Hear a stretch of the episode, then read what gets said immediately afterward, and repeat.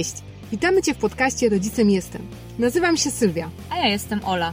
Jeśli chcesz zmienić swoje życie rodzinne na lepsze, to zostań z nami. Opowiemy Ci, jak czerpać więcej radości z bycia rodzicem i nie odejść od zmysłów. Pokażemy narzędzia, które wykorzystujemy, by budować lepsze relacje w swojej rodzinie. Zdobywaj z nami wiedzę na temat rozwoju, a także korzystaj z praktycznych wskazówek oraz gotowych rozwiązań rekomendowanych przez pedagogów i psychologów dziecięcych. To co, wchodzisz w to? Zapraszamy!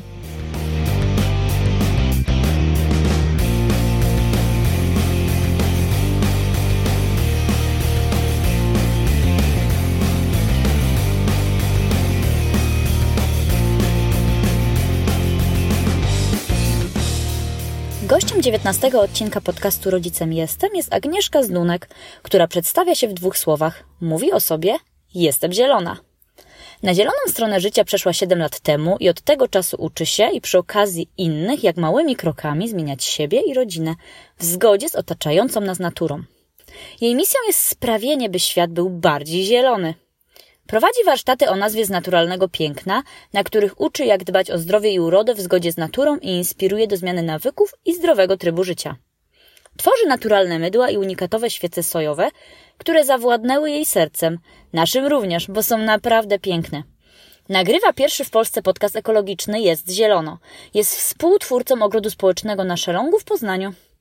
W wolnych chwilach remontuje starą olenderską chatę z 1830 roku w przepięknej wsi Boruja.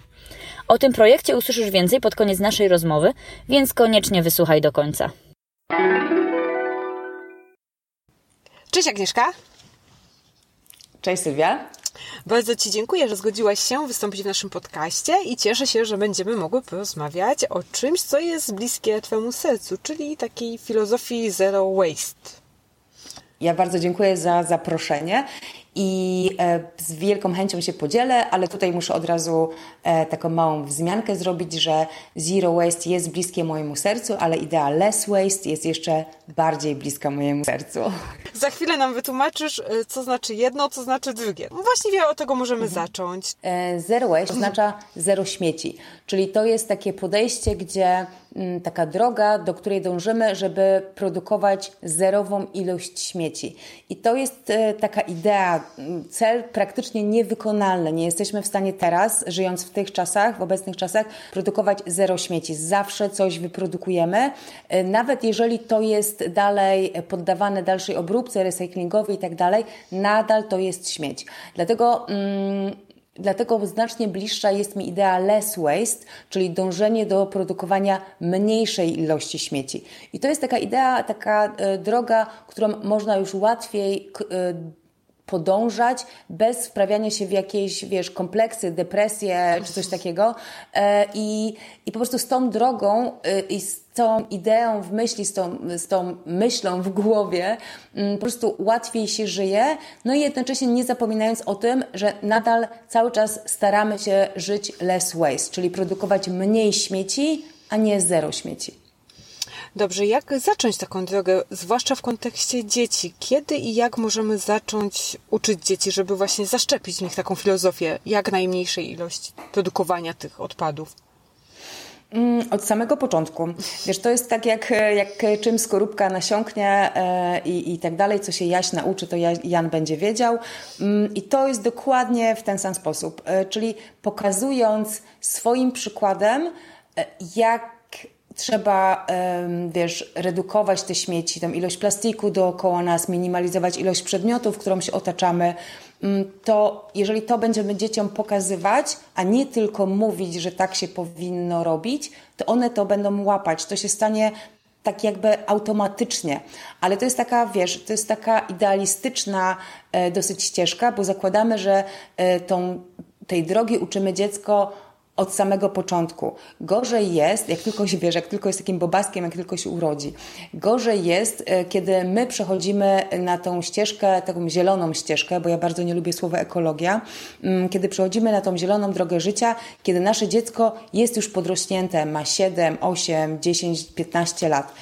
I całe swoje życie ono żyło takim, wiesz, konsumpcjonizmie, otoczone e, plastikiem wszędzie, wiesz, Coca-Colą, e, jakimiś takimi śmieciowymi jedzeniami i tak żyje to dziecko i tak żyją wszyscy jego znajomi i koledzy i nagle my temu dziecku mówimy ej, nie, stop, od dzisiaj żyjemy zupełnie inaczej. I przewracamy jej e, bądź jemu życie o 180 stopni. I to rodzi automatyczny bunt i nawet jak ja jestem osobą dorosłą i ktoś by mi powiedział, że od teraz po prostu zupełnie inaczej, no to ja bym się po prostu zbuntowała. Dlatego jeżeli mamy malutkie dziecko, to pokazujemy od razu. Natomiast jeżeli mamy większe dziecko, to większe, to każdy rodzic musi wiedzieć, e, kiedy zacząć. To zaczynamy od takich małych kroczków. Mówimy, hmm, może dzisiaj nie kupimy mleka w, e, w nie wiem, w, w kartonie, w tetrapaku albo w plastiku, tylko kupmy to w szkle. E, I w tym momencie już wiesz, cała pogadanka, dlaczego w szkle. Nie kupmy tego e, serka albo jogurtu, tylko może zróbmy samemu, bo jest fajne, a przy okazji spędzimy trochę czasu razem. E, choć dzisiaj musimy razem posegregować śmieci, żeby wrzucić je do odpowiednich pojemników, to zało założymy rękawiczki, jeżeli się brzydzisz, bo znam takie osoby, które się brzydzą segregować śmieci bez rękawiczek, silikonowych zresztą, które znowu są śmieciem, więc to jest jakiś absurd. I wiesz, i, i chodź pomóż mi posegregować śmieci. I to dziecko tak się uczy, uczy, uczy. Także, e, no wiesz, na dwa sposoby po prostu można to robić. Albo od razu metodą totalnego zanurzenia, albo małymi krokami. Dobrze, właśnie najtrudniej jest tak jak powiedziałaś, zauważyłaś, że sami często nie praktykujemy, a chcemy, żeby dziecko praktykowało. E, mówisz małymi mhm. kroczkami, tak właśnie od, od tego. A czy są jakieś zasady, takiej filozofii, na co zwrócić szczególną uwagę. Może jakieś miejsca w sieci, które by ułatwiły rodzicom też y, przekazanie takich informacji dzieciom na początek, jako taką teorię? Wiesz co, ja nie znam żadnych miejsc w sieci, które by były poświęcone e, typowo zagadnieniom zero waste, zero waste lub less waste dla dzieci, znaczy właściwie Właśnie. bardziej dla rodziców. Wydaje mi się, że to są bardziej ogólne takie zasady, mhm. które, które rodzice powinni stosować, a potem dalej je wdrażać w domu, znając swoje dziecko i przekładając te zasady dorosłe na E, na dzieci po prostu. Także w sieci nie znam żadnych takich stron, to jest wiesz, to może, może wy takie coś założycie albo kogoś e, właśnie, namówicie, żeby właśnie coś takiego widzę, założył. Że jest, próbowałyśmy znaleźć właśnie, dlatego też, też o to pytam, bo przygotowując się właśnie do rozmowy z tobą, no ciężko było znaleźć poza jakimiś takimi ogólnymi bardzo informacjami, tak dbajmy o środowisko, Światowy Dzień Ochrony Środowiska, ale takie, żeby było, tak jak znajdziemy dla dorosłych gdzieś tam te zasady, tak, zrób to zamiast tego, takie przełożenie bardziej na, na dziecięcy świat, no szczerze mówiąc nam się nie udało znaleźć. Może jakieś mhm. książki, jakaś literatura.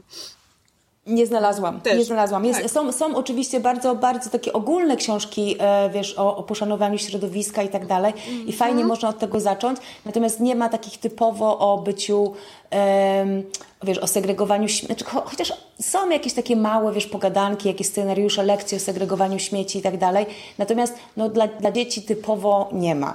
Ja też trochę obserwuję e, tą sytuację, która się dzieje teraz w szkole, bo mam dwunastolatkę w domu, i e, ja im oczywiście bardzo często podpytuję, mm, mm, co mieliście na, na biologii, albo o czym rozmawialiście na lekcji wychowawczej i tak dalej, w kontekście właśnie tego ekologicznego wychowania. I i to, co ja słyszę, w jaki sposób nauczyciele przekazują wiedzę, no to jest po prostu jeży włos na głowie, bo to są bardzo suche informacje. Nauczyciele tak naprawdę, wiesz, przekazują takie podręcznikowe informacje, nie do końca w nie wierząc. Mm, no i potem, wiesz, dziecko, no wiesz, dziecko, jak dziecko na lekcji, jak ma siedzieć 45 minut, no to się po prostu wynudzi, tak? Też, wiesz, obserwuję, że są różne jakieś takie warsztaty e, dla dzieci, a zróbmy tutaj mydełka glicerynowe, bo to będzie takie eko i naturalne, zróbmy coś, nie wiem, przeróbmy jakiś plastik, jakąś plastikową butelkę, tylko że z tego też powstają takie potworki, bo mydełka glicerynowe, żeby one nie zaczęły się pocić, czyli po prostu, żeby ładnie wyglądały, to trzeba zawinąć w celofan, czyli e, plastik, tak? Mm. Przerabianie starych butelek plastikowych po to, żeby stały się jakimiś wazonikami. No, chyba, że jakieś dziecko jest wybitnym artystą, ale ja jeszcze nie widziałam, żeby to ładnie wyglądało. I teraz przynosi to dziecko taki przerobiony plastikowy mm, wazonik, butelkę. No i matka na to patrzy, mówi, o tak, piękne, piękne, pięknie, po czym wiesz, za chwilę to ląduje w koszu, tak? No bo mama nie może na to patrzeć, a pokój syna czy córki już jest cały zawalony. A jak myślisz, y, może nauka taka przez zabawę? Może są miejsca, które ty byś poleciła rodzicom, żeby zabrać tam swoje dzieci po to, żeby właśnie być bliżej tej natury i po prostu ją dotknąć, zobaczyć. Z całą pewnością i z ręką na sercu i, i wszystkimi możliwymi organami mojego organizmu, mogę, mojego ciała, mogę polecić um, spacery do lasu, spacery nad jezioro, spacery e, po prostu na łono przyrody. I jest mnóstwo teraz miejsc, znaczy przesadzam, że jest mnóstwo, ale powstaje bardzo dużo takich naturalnych placów zabaw. To są place zabaw, gdzie nie ma jakichś tam plastikowych y, huśtawek, albo ławek, albo jakichś takich, no wiesz, takich mhm. pokrętnych, dziwnych, y, nie wiem, już dawno nie byłam na placu zabaw, ale wiesz, generalnie wszystkie place zabaw, żeby teraz były testowane, no to z reguły naj, najlepiej, najtaniej wrzucić tam plastikowe jakieś rzeczy, bo one w tym momencie są najszybciej atestowane. Ale powstaje dużo takich miejsc, gdzie zamiast jakiejś zjeżdżalni plastikowej jest górka usypana z, po prostu z piachu i dzieciaki tam zjeżdżają, a jak pada deszcz, no to tym bardziej jest, wiesz, zabawa, no bo się zamienia to w błocko.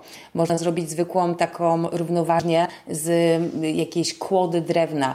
Można zrobić e, iglo na przykład wiklinowe. I bardzo dużo takich miejsc powstaje. Z reguły to są miejsca mm, prywatne, bo publiczne miejsca nadal muszą mieć atesty.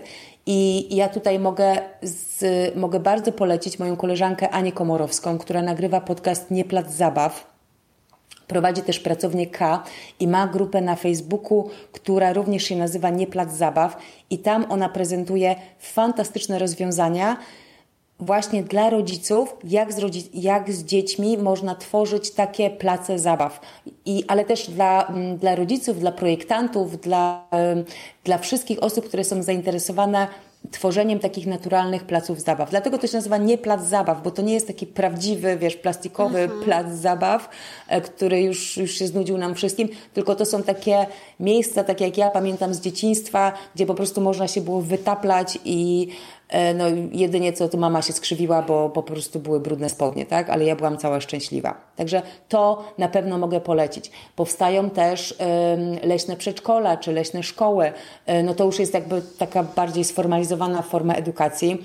E, natomiast to są takie miejsca, ja zresztą też mam odcinek podcastu o leśnych przedszko przedszkolach. To są takie miejsca, gdzie dzieci tak, nie pamiętam niestety, który to jest numer podcastu, ale to mogę, mogę przesłać. Mm, i, i, i to te zajęcia y, i zajęcia z tymi dziećmi odbywają się tylko i wyłącznie na dworze. I jak dziewczyny mi opowiadały, to ja nie mogłam aż uwierzyć w to, bo dzieciaki zaprowadzane są do budynku, jak są jakieś tornada, albo jakieś minus 30, wiesz, albo jakieś takie, albo z kolei plus 40, jakieś takie ekstremalne warunki pogodowe, a tak wszystkie Wszystkie godziny, wszystkie dni spędzają na powietrzu. Tam jedzą, e, tam się bawią, tam się uczą. Oczywiście mają jakąś tam swoją toaletę postawioną obok, ale wszystko, wszystkie godziny spędzają tam, na powietrzu. I to jest fantastyczne, bo one się uczą liczyć nie na liczydłach, tylko na kamyczkach albo na y, szyszkach. I no, nie no, świetny, świetny pomysł, naprawdę. Gdyby, y, gdybym ja wiedziała o takich leśnych przedszkolach kiedyś, właściwie kiedy one, istnie, kiedy one by istniały, jak moja córka była mniejsza, to na pewno bym posłała. Jest bardzo fajna inicjatywa. Na pewno to najlepiej uczy tego, żeby być właśnie takim zgodnym z naturą, żeby nie powiedzieć ekologicznym, tak? Właśnie miałam się zapytać, dlaczego e, tak. e, słowo ekologia tak bardzo Ci się nie podoba? Znaczy, wiesz co, ja uważam, że słowo ekologia jest e, mm, bardzo już spłaszczone i bardzo upolitycznione. Wiesz, wszystko jest eko, wszyscy dążą teraz do ekologii, każdy polityk, wiesz, w swoim programie wyborczym ma teraz ekologię, wiesz, na, na wszystkich opakowaniach jest napisane eko. I tak naprawdę staje się to płaskie, bo, bo kupujemy coś, wiesz, widzimy jakąś etykietkę, na której jest napisane ekologiczne i kupujemy to bez zastanawiania się, czy to faktycznie jest ekologiczne, bo jest, no jest teraz mnóstwo produktów, które są w plastiku, są które eko, mają fatalny nazwane. skład, ale tak, ale są nazwane eko, bo nazwać eko można według polskiego prawa wszystko. Nie ma procesu certyfikacji, e, który by stwierdził, co tak naprawdę jest ekologiczne, a co nie jest ekologiczne. Dlatego ja, jak prowadzę te warsztaty mydlarskie, kosmetyczne, to zawsze, zawsze uczę moje dziewczyny, że nie jest ważne to, co jest napisane na, um, wiesz, na, na przodzie etykiety, że tam może być napisane eko, bio, vegan i, i w ogóle, tylko ważne jest, co jest z tyłu napisane, jaki jest skład tego kosmetyku, bądź też środka czystości, bądź co jest zawarte w żywności, którą y, kupujemy, którą jemy my i, i nasze dzieci. To co w takim razie na kosmetykach, na co powinniśmy zwrócić uwagę, żeby one były eko? Skąd będziemy wiedzieć, tak? Na jak najmniejszą, na jak najmniejszą ilość e, składu. Znaczy, jak, jak najmniejsza ilość kosmetyków e, to może nie gwarantuje, że ten kosmetyk jest dobry, natomiast jakby mm, no, sprawia, że, że jest, jest taka możliwość, że on będzie lepszy. Ja nie będę teraz podawała wiesz, nazw takich, które mm, mhm. Powinny albo nie powinny być na kosmetykach. Na pewno powinniśmy u, unikać SLS-ów, czyli wszystko, co ma napisane sodium, laureth i tak dalej, czyli SLS.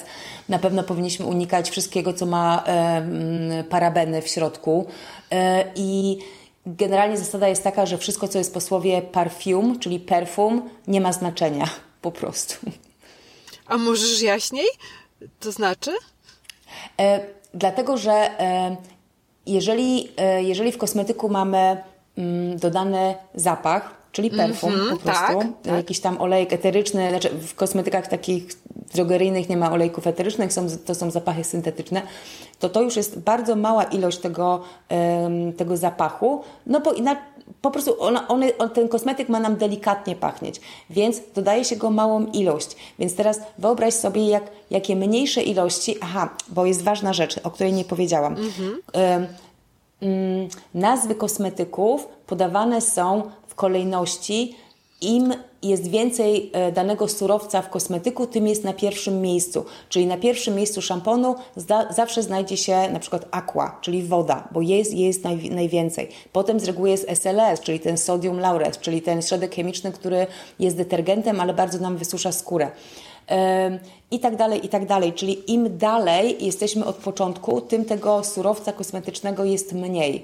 Dlatego, jeżeli mamy taką malutką ilość e, tego zapachu w kosmetyku, to wyobraź sobie, jak malutką ilość e, musi być to, co jest po kosmetyku, tak? Znaczy po, po, e, po tym zapachu. Więc jeżeli mamy na przykład napisane, że żel jest aloesowy, na przykład strzelam teraz, to sprawdźmy, gdzie ten aloe vera się znajduje, na którym miejscu. Mhm. Okej, okay. bardzo fajna lekcja. Bardzo nam się przyda. Dziękujemy. E, powiedz Agnieszko... Bardzo proszę.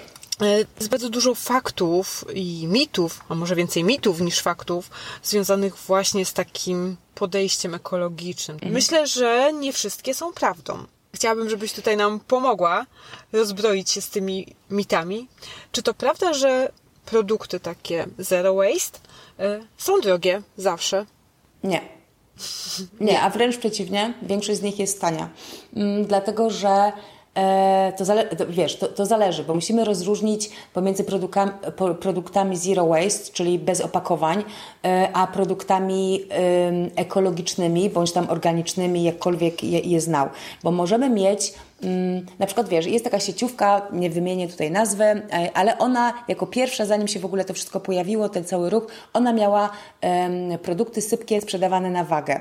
No i wiesz, jak się zaczął ten ruch Zero Waste, no to wszyscy, że super w ogóle, że mogę iść ze swoim pojemnikiem i tak dalej. I fajnie, i to jakby przesłanka do, e, do tego, że ten sklep jest zero waste, prawie została spełniona. Ale okazało się, że te produkty sypkie są tak fatalnej jakości, że, że w tym momencie wiesz, no, musisz wybrać, czy chcesz być zdrowy, czy chcesz, e, i, i chcesz jeść jakby dobrze, czy chcesz, czy chcesz być zero waste, tak? Na tej zasadzie. Więc produkty zero waste mogą być bardzo tanie, bo słuchaj, produktami zero waste tak naprawdę to są jabłka kupowane na straganie, których nie zapakujesz w, w, w torebkę foliową, tylko weźmiesz je do swojego plecaka albo włożysz je do swojej torby, którą przyniosłaś ze sobą. Nawet plastikowej torby, którą przyniosłaś ze sobą, bo używasz ją któryś tam raz, tak? To niekoniecznie musi być od razu ta torebka firankowa, tak modna teraz i po prostu mhm. wszyscy się na nie, na nie rzucają e, i kupują, a potem te torebki e, kilogramami zalegają w domach. To są po prostu rzeczy, które my mamy i które używamy ponownie, nie kupujemy nowych rzeczy. Też zawsze powtarzam, że najpierw zobacz, co masz w domu, wykorzystaj to i dopiero jak to zużyjesz, to zacznij myśleć o tym, co jest Ci tak naprawdę potrzebne. I tutaj podam e, przykład tej takiej już sławetnej szczoteczki bambusowej, czy sławetnej, wiesz, w moim otoczeniu, gdzie nagle wszyscy rzucili się na, e, na szczoteczki bambusowe, że to wow, że to takie ekologiczne i że super i w ogóle nie plastikowe. A ja mówię, kurczę, no tak, ale kupujesz szczoteczkę bambusową, ale w domu, w szafie, gdzieś tam jeszcze masz, wiesz, schowane pięć innych, tak? Bo gdzieś tam jakiś sobie zapas zrobiłaś, czy zrobiłeś i nawet zapomniałeś o tych, y, o tych plastikowych szczoteczkach. No i wiesz, i, i, leżą ci te szczoteczki e, w tej szafie i to już jest pół biedy. Gorzej, jak kupujesz sobie tą bambusową szczoteczkę, a te plastikowe wyrzucasz niezużyte. No to jest po prostu już absolutne marnotrawstwo i to budzi mój naprawdę wielki sprzeciw. Ale też bambus przecież nie rośnie w Polsce. On jest sprowadzany z Chin, albo w, z Niemiec, tak? W Niemczech tam mają swoje produkcje e, tych, tych plastikowych, e, tych, tych, przepraszam, bambusowych szczoteczek. Więc jakby tutaj też trzeba rozważyć to, czy E, korzystamy z lokalnych, lokalnych naszych zasobów, czy korzystamy z jakichś e, powiedzmy ekologicznych zasobów, ale mm, przy ich transporcie jest, e, powstaje dużo, duża ilość śladu węglowego, tak? Czyli jakby te, przez to, że musimy sprowadzić te produkty z końca świata, no to ta emisja węgla, czy emisja CO2, przepraszam, do, do atmosfery znacznie wzrasta. Więc naprawdę to nie jest taka, wiesz, łatwa rzecz i y, że wow, że od dzisiaj się stanę zero waste. To jest cały czas droga i to jest tak naprawdę droga do myślenia. Ja to nazywam, że trzeba cały czas myśleć i myśleć i myśleć, a jak e, myślisz, że już wszystko wiesz, to jeszcze raz to przemyśl. Świetne. Kolejnym faktem bądź mitem też jest kwestia tego, w jaki sposób są produkowane te produkty, które nam są sprzedawane czy reklamowane jak, jako takie właśnie ekologiczne e, czy zero waste. A do ich produkcji na przykład też produkuje fabryka, więc zanieczyszcza środowisko. Mhm. Tak, tak. To, to, jest, to jest znana kwestia, jeżeli chodzi o produkcję toreb, toreb bawełnianych, e, które no, niby by się wydawało, że są idealnymi produktami zero waste'owymi. Ja to nazywam, że to są wszystko gadżety zero waste'owe, mm, więc tu już jest wydźwięk bardzo negatywny bo do produkcji toreb e, bawełnianych e, zużywa się ogromne ilości wody i też chloru. One są z reguły po prostu wybarwiane, tak? czyli żeby były białe, że można na nie nałożyć jakiś kolor. Więc w tym momencie mamy i stratę wody, no i mamy naniesione, e, naniesione jakieś tam odczynniki chemiczne. E, lepszą sytuacją byłoby, kiedy my byśmy kupowali te używane torby, albo gdybyśmy poszli do lumpeksu, e, albo do jakiegoś giveboxu, albo do, do jakiegoś wiesz, miejsca, gdzie można się wymienić rzeczami i z takiej, nie wiem, z takiego t-shirta albo z jakiejś starej torby uszyli sobie taką torbę, e, która nam odpowiada. To już w tym momencie byłoby postępowanie bardziej racjonalne, co więcej, byłoby mniej kosztowe po prostu, bo wiesz, ja nie wydam w tym momencie za taką fajną torbę bawełnianą, wiesz, jakąś markową i fajnie uszytą, to ja wydam, nie wiem, 50 do 100 zł, tak? A za taką sobie uszytą, no to ile wydam tam, nie wiem, 5-6 zł plus mój czas. A jeżeli ja nie mam czasu albo nie umiem szyć, bo jest wiele osób, które albo nie mają czasu, albo nie umieją szyć po prostu albo ręcznie, albo na maszynie, takie mamy czasy, to na pewno jest jakaś mama, babcia, kuzynka, ktokolwiek, siostra, koleżanka, które to umieją. Po prostu. Czyli jak najwięcej wykorzystywać tego, co jeszcze możemy. Zanim kupimy Wiesz, jest. Są takie tak, dokładnie. Jest takie e, pięć, a nawet e, sześć zasad e, zero waste. One się nazywają 5R albo 6R, w zależności od tego, kto jak no, patrzy. No to słuchamy. Proszę bardzo. To jest tak. Po pierwsze to jest refuse, czyli odmawiaj.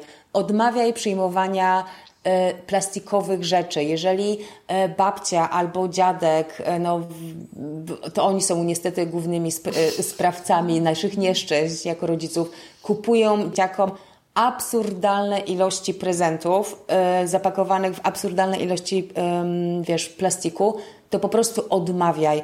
Umów się z rodzicami swoimi albo z teściami, że słuchajcie, my mamy takie takie zasady w domu, proszę, żebyście tego nie przynieśli. Ja wiem, że to jest czasami walka z wiatrakiem, ja z moją mamą i tatą i teściami, to po prostu cały czas jest walka, ale ale wprowadzamy te zasady i oni patrzą na mnie dziwnie, ale już jest naprawdę lepiej. Także pierwsza zasada to jest refuse, odmawiaj.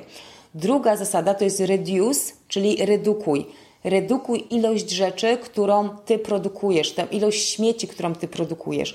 Jeżeli e, twoje dziecko pije mleko, moje na przykład, moja córka pochłania mleko w zastraszających ilościach, bo ona codziennie rano i wieczorem musi mieć kakałko, to, to wiesz, my zużywamy naprawdę dużą ilość mleka, to nie kupuję tego mleka w plastikowych opakowaniach, tylko kupuję je w szklanych. Ok, to mleko szklane może być trochę droższe i jest troszkę droższe, ale po pierwsze, mam świadomość, że nie wpływam negatywnie na środowisko, ja jako osoba, a po drugie, z reguły to jest mleko świeże, y, które jest mlekiem niepasteryzowanym. Według mnie to jest trochę lepszy, y, trochę wyższy poziom, ale, ale mogę, się, mogę się nie znać. Ja w każdym razie kupuję mleko świeże w, w szkle. Czyli to jest zasada reduce, redukuj. Potem jest reuse, czyli użyj ponownie. To jest to, o czym my mówiłyśmy e, wcześniej, czyli e, zużyj to, co masz w domu, zanim będziesz kupował e, czy kupowała kolejne rzeczy. Zobacz, czy rzecz, którą masz w domu, nie przydać Ci się do zupełnie innego zastosowania, tak? Może jakiś ułamany, e, wiesz, jakaś ułamana filiżanka może być piękną e, doniczką na Twój kwiatek albo wazonikiem. To taki, wiesz, taki przykład teraz wymyślony przeze mnie. Także to jest ta zasada e, reuse. E, kolejna zasada to jest recycle, czyli oddawaj do recyklingu. Segreguj śmieci swoje według tam plastików, plastiki, makulatura, śmieci zmieszane, e, aluminium, wiesz, nakrętki itd., tak itd. Tak I to wszystko wrzucaj do odpowiednich kubów. To jest zasada e, recycle. Kolejna zasada to jest repair, czyli naprawiaj. I tutaj jest bardzo dużo, tutaj głównie chodzi o buty i o ubrania. Jeżeli mamy buty, które są no trochę już, wiesz, może, może nie, że podeszwa jest mega, wiesz, zniszczona i ma wielką dziurę, ale one są trochę przetarte, to patrzysz na nie i mówisz, nie, już nie będę w nich chodzić, bo one są, no brzydko wyglądają. A wystarczy zanieść je do szewca, a szewc jest zawodem teraz odradzającym się dzięki Bogu, e, i on naprawdę zrobi Ci cuda z tymi butami i będziesz mogła je nosić jeszcze przez wiele, wiele lat. E, szewcy są w stanie teraz zmienić kolor tych butów, więc jeżeli nie podobają Ci się te Twoje brązowe, które miałaś przez trzy ostatnie lata, to będziesz miała mm, czarne przez następne trzy lata, tak? Na tej zasadzie. Także to jest repair, naprawia, ale też tutaj wiesz, nie, nawet nie o buty chodzi, ale jakiś sprzęt, AGD, no, rowery, no cokolwiek, rzadkość, cokolwiek nie? co... się zepra, no, to jedziemy po nową. Tak, tak, dokładnie, dokładnie. Szczególnie, że niestety naprawa pralki kosztuje więcej niż kupienie nowej, więc tak. E, no, to, jest, to są takie absurdy świata, w którym żyjemy. I ostatnią rzeczą, czyli to już jest to szóste R, to jest ROT, czyli kompostuj. Czyli jeżeli masz, gotujesz obiad i masz jakieś tam obierki po warzywach, E, albo, e, nie wiem, skorupki od jajek, to nie wrzucasz ich do śmieci zmieszanych, tylko wrzucasz je do kompostownika. Teraz zresztą e, od zeszłego roku, od lipca bodajże, obowiązuje nowa ustawa śmieciowa i tam, w, tam jest konieczność właśnie posiadania Boże, że mnie się teraz nie pomyliła z nazwą biokompostownika, e, kompostownika na odpadki organiczne, chyba tak to się nazywa profesjonalnie. E, to nie chodzi o to, że ty musisz mieć w domu kompostownik, chodzi o to, że po prostu wiesz, odkładasz to, e, nie wiem, codziennie, codziennie odkładasz, nie wiem, do jakiejś tam skrzynki, do jakiegoś plastikowego opakowania albo do jakiegoś słoika i potem jak idziesz wyrzucić śmieci, to te odpadki po prostu wrzucasz do tego biokompostownika. Jeszcze lepszą rzeczą to jest wrzucenie tych odpadków do kompostownika na swoim balkonie. E, jeżeli takowy masz, ale wiem, że dużo osób nie ma i nigdy nie będę, wiesz, nigdy nie będę zachęcać, żeby, żeby koniecznie mieć. To jest rzecz fajna, ja mam, ale, ale nie będę e, zachęcać. Ale można te odpady też oddać e, na przykład do ogrodów społecznych. A w samym Poznaniu my tych ogrodów społecznych mamy sześć albo siedem. W Warszawie wiem, że też jest mnóstwo tych ogrodów. We Wrocławiu tak samo. W każdym większym i już teraz coraz e, więcej powstaje też w, w każdych mniejszych miastach jest, są ogrody społeczne, gdzie może nie z chęcią, ale przyjmą te wasze odpadki organiczne, dlatego że w tym momencie oni będą budować ten, tą swoją masę kompostową, a to oznacza, że będą mieli bardzo fajną ziemię w przyszłym roku. Także e, trochę się rozgadałam, natomiast e, generalnie no jest to refuse, odmawiaj, reduce, redukuj, e, e, reuse, użyj ponownie, recycle, czyli oddawaj do recyklingu, repair, naprawiaj, no i rot, kompostuj. To są takie zasady zero waste. Okay, z odpadami to y, zawsze właśnie kojarzy nam się segregacja. To jest temat taki, który myślę, że już gdzieś tam w przedszkolach y, się pojawia u dzieci, a w szkołach mam nadzieję, że na pewno. Aczkolwiek myślę, że dalej jest dużo wątpliwości. Nawet rodzice, tak, y, nauczyciele często nie wiedzą, jak poprawnie segregować śmieci, zwłaszcza w zakresie, wydaje mi się, tworzyw sztucznych. Czy jest mhm. gdzieś jakieś źródło, gdzie możemy się dokładnie dowiedzieć, co mamy do tego plastiku wrzucać, co nie? Wiesz co, no generalnie zasady są takie, że niebieskie jest do, do makulatury, brązowy jest do tych bioodpadów, mhm. żółty jest na plastik, e, tam zielony jest na na szkło kolorowe, a biały jest na, e, na szkło białe. Natomiast każda gmina, czy tam każdy związek międzygminny zajmujący się odpadami ustala swoje własne zasady, swoje własne szczegółowe zasady. Więc ja na przykład e, mam w Poznaniu, gdzie mamy tutaj GOAP, zupełnie inne zasady, może nie zupełnie inne, ale one po prostu różnią się szczegółami niż te, które na przykład są w Krakowie. I jest dosyć ważne, żeby zapoznać się z tymi zasadami, e, a te, te, te, te zakłady zajmujące się gospodarką odpadami, one z reguły mają naprawdę całkiem fajne informacje na swoich stronach. To jest ważne dlatego, że każdy zakład um, zajmujący się gospodarką odpadami oddaje te zakłady, e, te, te odpady do innej spalarni, na inny kompostownik, do innej utylizacji. I teraz w zależności od tego, jakie oni tam mają systemy, w ten sposób będą oni rozdzielać śmieci i w ten sposób my powinniśmy też rozdzielać śmieci. Więc ja Ci teraz nie powiem dokładnie, jakie ty powinnaś, mm, jak Ty powinnaś segregować śmieci. Zawsze trzeba zajrzeć na stronę internetową swojej gminy. Wystarczy po prostu wpisać, nie wiem, zakład gospodarki odpadami, y, nazwa swojego miasta i wyskoczy na pewno. Okej, okay, czyli szukać w gminie, a nie w internecie wpisując no. jak segregować odpady, tylko po prostu u źródła, tam, tam gdzie zbierają. Tak, tak, tak. Wiesz, wiesz, jak wpiszesz w internecie jak segregować odpady, to wyskoczy Ci mnóstwo, miliardy, wiesz, miliardy, miliardy mm -hmm. stron, Można niekoniecznie prawdziwych i niekoniecznie rzetelnych. Tak. Mhm. Dobrze, a Twoje takie rady, jak sobie radzić w dzisiejszych czasach z tak dużym konsumpcjonizmem? Trudne pytanie. Um, Wiesz co, ja myślę, że to jest y, trochę inny sposób myślenia po prostu. Trzeba by się przestawić na troszkę inny sposób myślenia, zobaczenia, że nie przedmioty są ważne, którymi się otaczamy, tylko ludzie, tylko relacje, które z tymi ludźmi mamy. Y, I to, że będziesz miała nowy telewizor, nie poprawić Twoich relacji, nie wiem, z mężem, tak? To, że będziesz miała nową sukienkę, nie poprawić Twoich relacji z koleżanką. I tak naprawdę ograniczanie ilości przedmiotów dookoła siebie, pozbywanie się ich nadmiaru, robi ci też porządek w głowie, e, bo w tym momencie jakby zdajesz sobie sprawę, co tak naprawdę jest ważne w życiu, i z reguły wychodzi na to, że są to relacje, no i oczywiście zdrowie. Więc e, znowu nie dam rady, jak ten wiesz, jak ten prawnik, że to zależy, nie dam ci rady, jak. E, jak sobie radzić i żyć w świecie pełnym konsumpcji. Ja tylko mogę powiedzieć, żebyś po prostu e, Tobie i, i, i słuchaczom, żebyście się po prostu zastanowili, co jest dla Was ważne i zaczęli redukować czy ograniczać się tylko i wyłącznie do tego, co tak naprawdę potrzebujecie.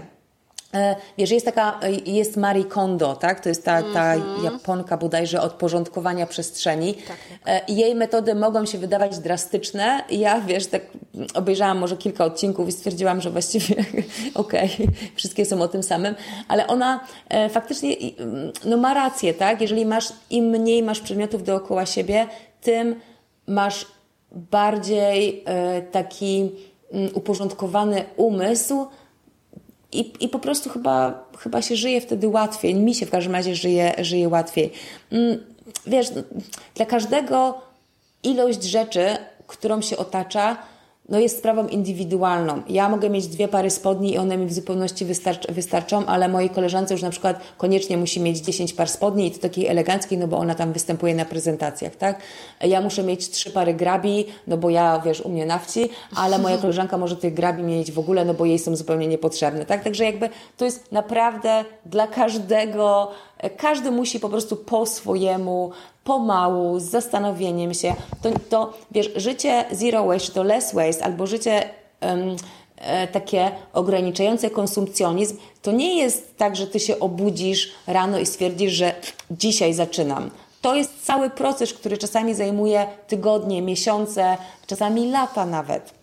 Ja kiedyś, rok temu, będę to powtarzać, ale teraz za bardzo nie wiem kiedy, ale na pewno to powtórzę, robiłam taką akcję Eko dla Zielonych, kiedy, gdzie tłumaczyłam jakby od podstaw, jak być eko, kiedy jesteś zielonym.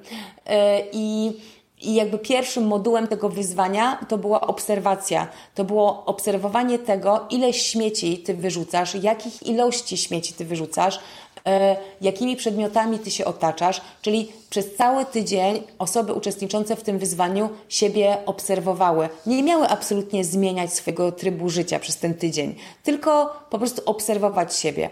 No i wychodziło, że najwięcej e, dziewczyny, bo z reguły to były dziewczyny, najwięcej mają opakowań plastikowych, bo te opakowania plastikowe e, tak chwyta się odruchowo. Wiesz, jogurt jest, dobra, bierzemy. Śmietanka jest, dobra, bierzemy. Mleko jest, dobra, bierzemy. I potem, wiesz, zużyjemy te przedmioty, te, te, te, tą żywność i nagle nam się tworzy cała sterta plastikowych opakowań. A gdyby pomyśleć wcześniej, no to wiesz, mleko możesz kupić w szkle, jogurt możesz sobie sama zrobić, jabłek nie musisz kupować, wiesz, sześć opakowanych w plastik na pięknej tacce, tylko możesz iść i kupić je sobie luzem, po prostu. Dokładnie jest tak, jak mówisz, po pierwszym miesiącu, kiedy my rozpoczęliśmy segregację odpadów, jak zobaczyłam, dopiero wtedy zobaczyłam, ile tego plastiku się produkuje, to jest po prostu przerażające w stosunku do tych innych odpadów. Tak jak mówisz, otacza nas wszędzie ten plastik. Okej, okay. to teraz troszkę o tak. tobie. Nie, no nie, nie, spokojnie, nie będzie tak strasznie intymnie. E, przeniosłeś się z miasta na wieś? Jeszcze nie. Jeszcze, jeszcze nie. nie. Cały czas jeszcze mieszkam w Poz... Jeszcze nie. Tak, tak. Cały czas jeszcze mieszkam w Poznaniu, ale przenoszę się na wieś i myślę, że w ciągu dwóch lat e, już tam zamieszkamy. Na razie jestem w takim rozkroku pomiędzy dużym miastem a malutką wsią. Jak to jest podjąć taką decyzję? Była to trudna decyzja? Skąd, skąd taki pomysł? Mm, wiesz co, y, decyzja... My od momentu, kiedy zobaczyliśmy pracownię Boruja, bo tak się nazywa e, to nasze miejsce, e, do e, podpisania umowy przedwstępnej minęło dokładnie 9 miesięcy, więc my się śmiejemy, że to jest takie nasze dziecko. Mhm. Wiesz co, my, nam nawet nie chodziło o to, że się przenosimy na wieś, bo my po prostu chcieliśmy mieszkać poza miastem, ale nie, wiesz, 20 kilometrów od miasta, bo to jest trochę za mała jeszcze odległość. My chcieliśmy naprawdę mieszkać na wsi, na wsi. Mm, u nas ta decyzja trwała tak długo, dlatego że nasz dom jest wpisany do rejestru konserwatora zabytków, jest bardzo stary, tam z 1830 roku, więc my musieliśmy jakby przejść całą procedurę sprawdzania, czy dom jest w dobrym stanie technicznym, czy konserwator zabytków zgodzi się na te zmiany, które my chcemy. Też jeszcze konsultowaliśmy z muzeum, czy to jest w ogóle, wiesz, ma sens i tak dalej. I wiesz co, i mm, chyba najcięższą Yy, najcięższą decyzją, którą musieliśmy podjąć w tym całym procesie, procesie, to było to, co na to nasze dziecko, które będzie miało 14 lat w momencie, jak się przeprowadzimy na wieś. Yy, I ono będzie tak naprawdę wyrwane ze swojego miejskiego towarzystwa i włożymy ją do wiejskiego towarzystwa, więc zupełnie, zupełnie innego. Ale nawet gdyby to były przenosiny z jednego miasta do drugiego miasta, to chyba tak samo byśmy się zastanawiali. Mm, ale teraz widzimy, że to była bardzo dobra decyzja, dlatego że Zofia będzie chodziła do tej szkoły podstawowej tylko dwa lata, a później tak i tak pójdzie do liceum gdzieś w Poznaniu, w Warszawie, w Krakowie, gdziekolwiek sobie wybierze, no i później tak i tak studia, gdzie przecież nie będzie z rodzicami mieszkała. Mm, więc y, mamy już, nawet nie mieszkając jeszcze na wsi, mamy już wypracowany plan, co będzie, jak na przykład będziemy ją e, wozili na, e, na jej ulubione tam, nie wiem, zajęcia do pracowni filmowej, bo ona chce być reżyserem, także to, to już mamy jakby obczajone. Mm, I wiesz co, wydaje mi się, że jak siedzę na wsi, to jest spokojniej, tak można by powiedzieć. Nie, jest inaczej, po prostu to jest zupełnie inny, zupełnie inny stan umysłu. Natomiast to na pewno nie jest tak, że się wychodzi mm, przed dom y, z kawką i trawa jest mhm. zielona i w ogóle słońce nie? świeci. Nie, nie, nie, absolutnie nie. Nie. nie, my teraz jesteśmy w fazie ostrego remontu, więc właściwie każdy weekend na wsi to jesteśmy brudni, zmęczeni, wiesz, połamane paznokcie, ale jest fantastycznie, naprawdę jest fantastycznie i przez te dwa lata, kiedy to remontujemy, poczuliśmy, poczuliśmy chyba sens naszego życia, po prostu ja z, z moim mężem, poczuliśmy sens życia, sens, że robimy naprawdę dobrą rzecz i dla siebie, e, patrząc jakby pod takim egoistycznym, egoistycznym punkcie widzenia, ale też robimy dobrą rzecz dla przyrody, bo pracownia Boruja to będzie takie miejsce, gdzie będziemy robić warsztaty takie ekologiczno-kulturalne, czyli będziemy budować świadomość ludzi w zakresie ekologii przez organizację tam warsztatów, ale też dajemy życie starej chacie, czyli nie budujemy nowego domu, wiesz, z pustaków i styropianu, tylko odtwarzamy starą drewnianą chatę i kładziemy tam na przykład tynki gliniane, takie jak były, e, albo kładziemy keramzyt jako ocieplenie. Keramzyt to jest spieczona glina, czyli wszystkie materiały, które używamy do budowy są jak najbardziej naturalne. E, I, e, i, no i też poszanowanie historii, no bo nasza chata to była chata olenderska. To byli osadnicy olenderscy, ale też myślę, że robimy bardzo fajną rzecz na, dla wsi i e, dla mieszkańców wsi, e, bo na przykład jeszcze tam nie mieszkając już założyliśmy, czy właściwie ja założyłam z mieszkańcami e, ogród przyjazny pszczołom, E, który stoi w, w centrum wsi i, e, i tak naprawdę myślałam, że ten ogród będę budować sama, ale się okazało, że tyle osób się zaangażowało, że po prostu wow, przerosło moje Rozmawiałyśmy o, o nauce przez zabawę, o miejscach, które warto odwiedzić, także musimy te dwa dopisać do tej listy. Tak, koniecznie, koniecznie. Ponieważ znaczy, wiesz, na, do, do, pracowni, do pracowni boruję jeszcze z dziećmi na pewno nie, bo tam e, bardzo trzeba, wiesz, patrzeć, e, wiesz, czy tutaj nie ma gwoździa, gdzieś papa leży, wiesz, jakaś wiertarka. Natomiast e, ogród e, dla pszczółek jak najbardziej no, będzie przepięknie wyglądał w przyszłym roku. Odcinek e, my nagrywamy troszkę wcześniej, będzie 12 listopada publikowany i jeżeli ktoś by chciał Agnieszkę tutaj wesprzeć, na co bardzo liczymy w jej zbiórce, właśnie na ten projekt, o którym opowiedziała, e, to Agnieszko, powiedz, w jaki sposób to może zrobić? Do 15 listopada, mm, czyli kilka dni po emisji naszego podcastu, e, trwa jeszcze zbiórka na pracownię Boruja, czyli Centrum Edukacji e, Ekologiczno-Kulturalnej. Wszystkie informacje można znaleźć na stronie jestemzielona.pl. E, i tam będzie odnośnik jakby bezpośrednio do zbiórki, albo można po prostu wejść na stronę Polak Potrafi i tam wyszukać po prostu hasło Pracownia Boruja, e, albo można e, wejść na stronę po prostu pracowniaboruja.pl. Także miejsc, z których można dostać się do zbiórki jest bardzo, bardzo dużo, ale ja myślę, że mm, co jest chyba warte podkreślenia, ja bardzo się skupiłam na tym, żeby to nawet nie chodzi o to, żeby mm, zebrać pieniądze na remont tej pracowni, tylko tutaj bardziej chodzi o to, żeby zbudować ją z ludźmi, że, bo ja, ja widzę, że to miejsce bardzo mocno przyciąga ludzi. Wiesz, ona jest jeszcze w remoncie, a do mnie już ludzie dzwonią, że chcieliby na majówkę na przykład wynająć pokoje. Więc to jest do, śmieszne. Ale mm, bardziej chodzi o to, żeby wiesz, ludzie razem z nami ją zbudowali i dlatego ja bardzo dużą uwagę przyłożyłam do prezentów, które tam są. E, I to są prezenty takie, takie zielone, czyli w takim duchu, jak ja żyję. Czyli i są mydła naturalne, które ja robię, a, a mydła naprawdę robię dobre, tutaj muszę się pochwalić. E, wiesz, i są świece sojowe, mm, i są tabliczki z wosku sojowego, takie przepięknie pachnące do zawieszenia w szafie. E, i są e, darmowe wejściówki albo zniżki na, na warsztaty kosmetyczne i mydlarskie, które prowadzę. E, co tam jeszcze jest? No, no mnóstwo jest. A właśnie są, są te torby płócienne szyte przeze mnie z, lum, z lumpeksowych rzeczy.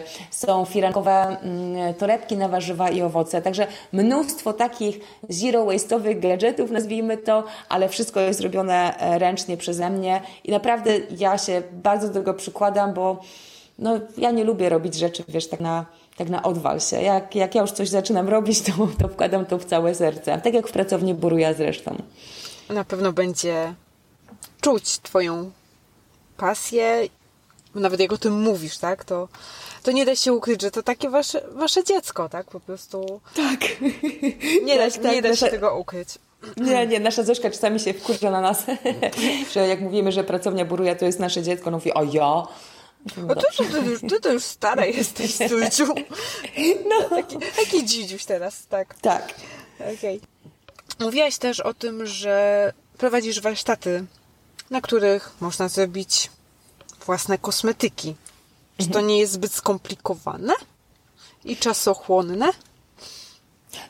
To ja odpowiem pytaniem na pytanie, chociaż wiem, że nie powinno się tak robić. A umiesz ugotować zupę?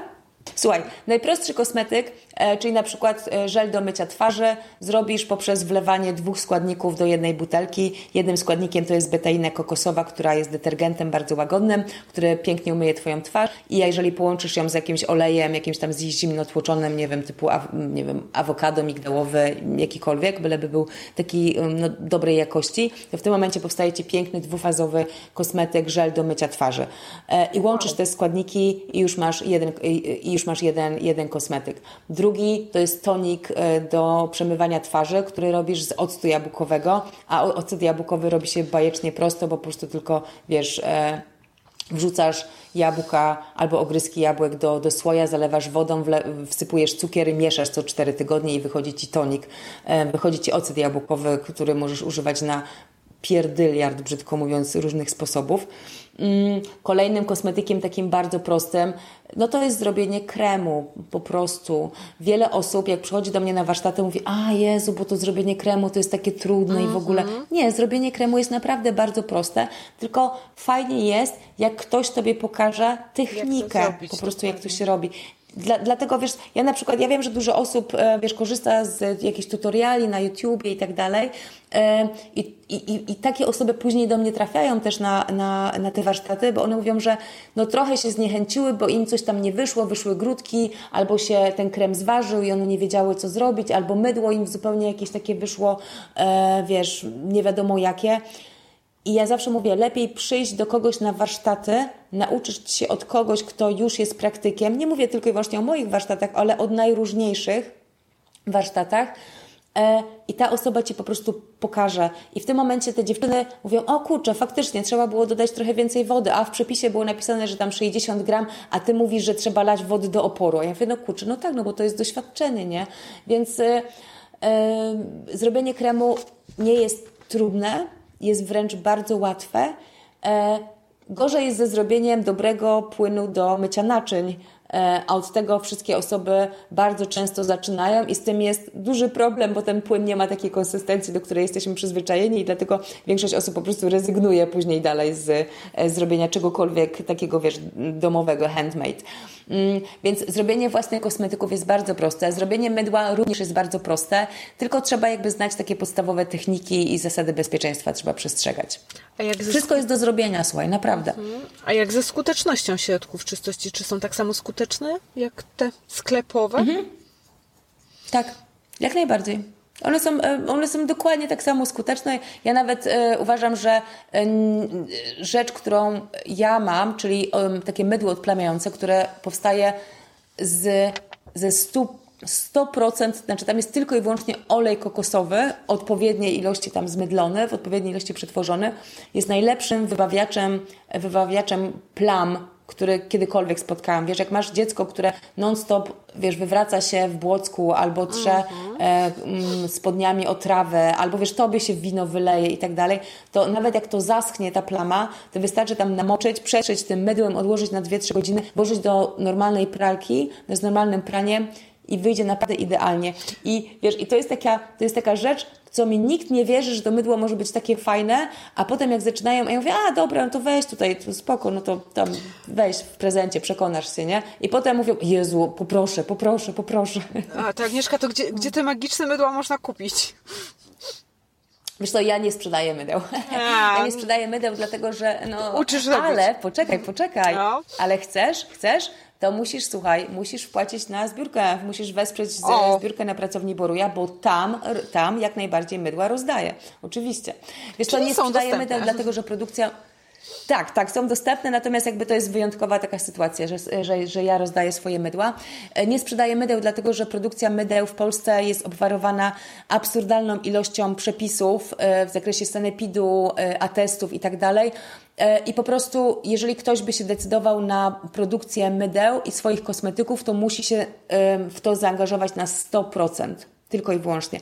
A ja mam bardzo dużo innych rzeczy, którymi jestem zainteresowana, więc te mydła i kremy robię dla siebie, ale też przede wszystkim uczę, e, uczę innych, jak to się robi. To jest taka moja misja, wiesz, życiowa, żeby pokazać ludziom, jak można żyć na zielono w różnych aspektach, tak? Nie tylko i wyłącznie w robieniu mydła. Czyli od dzisiaj przez 4 dni jeszcze szansa, żeby nabyć unikatowe mydełka Agnieszki. Tak, tak, ja tylko, wiesz, e, ja tylko, jak, jeżeli mogę się tak zareklamować, to chciałam tylko powiedzieć, że u mnie trwa teraz bardzo duża produkcja, bo e, skończyłam już robić właśnie mydła kasztanowe. E, dzisiaj nastawiłam, zrobiłam mydło kawowe, jest zrobione mydło marchewkowe, są oczywiście mydła lawendowe, waniliowe, różane, miętowe, to jest taki standard. I gdzieś wiem, że jeszcze mam w zapasach mydło chmielowe. Także naprawdę jest tego mnóstwo i takich mydeł na pewno Z tym chmielowym to trzeba uważać. Nie, jest fajny, naprawdę. Jest, fajny. jest takie męskie, wiesz, mydło na... No, no. no, no, no, to jest takie, wiesz, to jest takie mydło na piwie, wiesz. Jest czarne piwo, takie coś ala perła albo Guinness i jest, wiesz, odgazowane tam przez dwa dni się odgazowuje i potem się na tym robi, na tym się robi um, mydło. No, fantastycznie wychodzi, naprawdę. No. A jeszcze jest mydło borowinowe, przepraszam. Ale mydło z piwa, no tego jeszcze nie słyszałam, także okej. Okay. No. Świetnie. Ty jeszcze tak już zbliżając się do końca, gdzie możemy Ciebie znaleźć? Mm, no wiesz, no, główne informacje to są na stronie jestemzielona.pl. E, są też informacje na stronie pracowniaboruja.pl, natomiast tam powinnam wrzucać bardzo dużo informacji, e, właśnie wiesz, jak powstaje pracownia Boruja, natomiast ja po prostu nie mam czasu tego robić, bo albo będę pisać, albo będę remontować e, mój stary dom. Natomiast na jestemzielona.pl to tam są, znajdziecie wszystkie moje mm, odcinki podcastu Jest Zielono, bo to jest o tym chyba nie powiedzieliśmy, że to jest jakby pierwszy w Polsce e, podcast o ekologii, życiu zero waste, ograniczeniu konsumpcji i zielonym stylu życia. Także tam są wszystkie odcinki podcastu. Tam są też przepisy na mydła, tam są, ojej, no kilka tam rzeczy jest na tej stronie internetowej. Na pewno też na, na Facebooku po prostu jestem zielona i na Instagramie również jestem zielona. Myślę, że pytań po tym odcinku pewnie się jeszcze więcej zrodzi, także możesz liczyć na to, że jeżeli trafią do nas, to też je przekierujemy do Ciebie jako do eksperta. Okay. Życzymy Ci wszystkiego dobrego i powodzenia w realizacji swojego projektu, bo tak naprawdę to ten projekt gdzieś zainspirował nas do tego, żeby z Tobą dzisiaj porozmawiać, bo bardzo nam się podoba i, i mamy nadzieję, Dziękuję. że wszystko się potoczy zgodnie z Twoim planem i już niedługo Twój projekt pracowni będzie taki, jak sobie go wymarzyłaś i, i ten plan zrealizujesz w 100%. Także dziękujemy Ci bardzo za rozmowę i życzymy realizacji tego, przede wszystkim tego projektu. Dziękuję bardzo jeszcze raz za zaproszenie i, no i po prostu miłego dnia życzę. Dziękujemy i do usłyszenia. W dziewiętnastym odcinku naszego podcastu miałyśmy przyjemność gościć Agnieszkę Zdunek, która prowadzi bloga Jestem Zielona. Naszą rozmowę rozpoczęłyśmy od wyjaśnienia, czym jest filozofia zero waste i less waste. To pierwsze to coś nieosiągalnego w dzisiejszych czasach. To drugie to sposób na życie, który jest bliski sercu naszej rozmówczyni. Filozofia ograniczania ilości odpadów, czyli less waste, jest ważna w dzisiejszej dobie konsumpcjonizmu oraz wysokiej eksploatacji naszej planety. Jeśli chcemy żyć w zgodzie z naturą i przekazać taką wartość naszym dzieciom, powinniśmy to robić małymi krokami. Zwłaszcza jeśli dopiero od niedawna taka filozofia wchodzi w życie naszej rodziny. Agnieszka radzi, żeby zacząć od zakupów, tłumaczyć dlaczego mleko w szkle, a nie w kartoniku. Dobrym sposobem na modelowanie ekonawyków u dzieci jest zabawa na naturalnych placach zabaw. Takie miejsca projektuje Ania Komorowska. Ich zaletą, poza tym, że nie są stworzone z wszechobecnego plastiku, jest też wpływ na rozwój dziecka. Dają dzieciom możliwość większej kreatywności. Kolejnym sposobem na życie blisko natury są leśne przedszkola, których w Polsce powstaje coraz więcej.